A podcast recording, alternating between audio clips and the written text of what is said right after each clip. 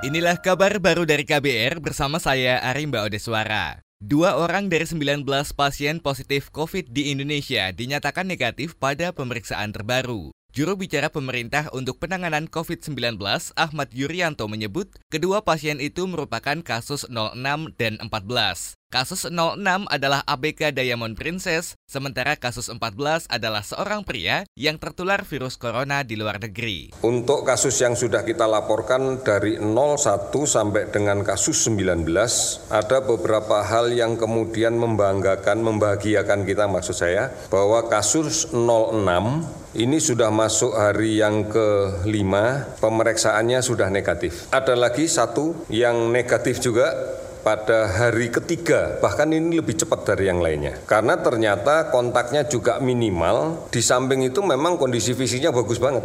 Meski telah negatif COVID-19, Yuri mengatakan kedua pasien masih harus tetap diisolasi hingga dua hari ke depan. Kata dia, dalam dua hari ke depan, hasil laboratorium kedua pasien akan kembali keluar. Menurutnya, apabila kembali dinyatakan negatif, maka kedua pasien bisa meninggalkan rumah sakit dan kembali kepada keluarganya. Yuri menambahkan, kondisi kedua pasien itu dalam kondisi sehat dan baik. Sementara itu, saudara, Direktur Jenderal Organisasi Kesehatan Dunia WHO, Tedros Adhanom mengatakan 93 persen kasus penularan jenis baru virus corona atau COVID-19 dunia terjadi di empat negara, yakni Tiongkok, Italia, Iran, dan Korea Selatan. Dari 112 negara yang terjangkit virus, Tiongkok menempati urutan teratas dengan jumlah pasien terbanyak, yaitu lebih dari 80 ribu jiwa, selanjutnya Italia 9 ribuan jiwa, Korea Selatan 7.500-an jiwa, dan Iran 7.000 jiwa. Sementara itu, data terbaru menyebut 4 ribuan pasien meninggal dunia dan 64 ribuan orang dinyatakan pulih.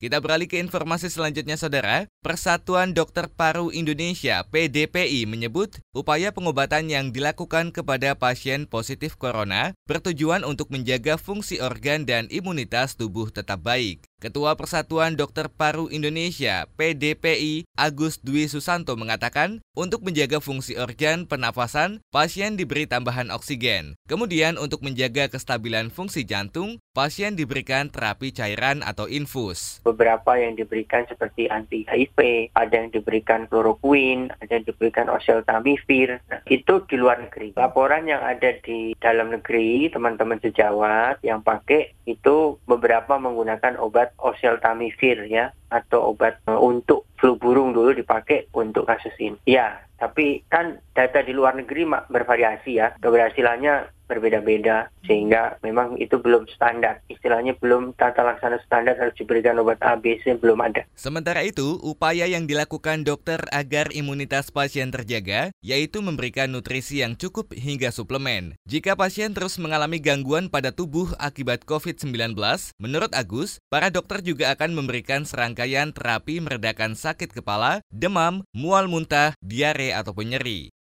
Tiga nelayan Aceh yang ditahan oleh otoritas keamanan India September lalu telah dibebaskan oleh pengadilan setempat. Nelayan itu ditangkap karena memasuki perairan Andaman, India. Sekretaris Kelompok Masyarakat Nelayan Panglima Laut Aceh, Miftah Cut Ade, mengatakan mereka terbukti tidak sengaja masuk ke zona Laut India, melainkan tersesat akibat pekatnya kabut asap. Ya, mereka terbukti tidak bersalah karena musibah murni ya, ya kehilangan haluan waktu mau pulang kembali ke Aceh.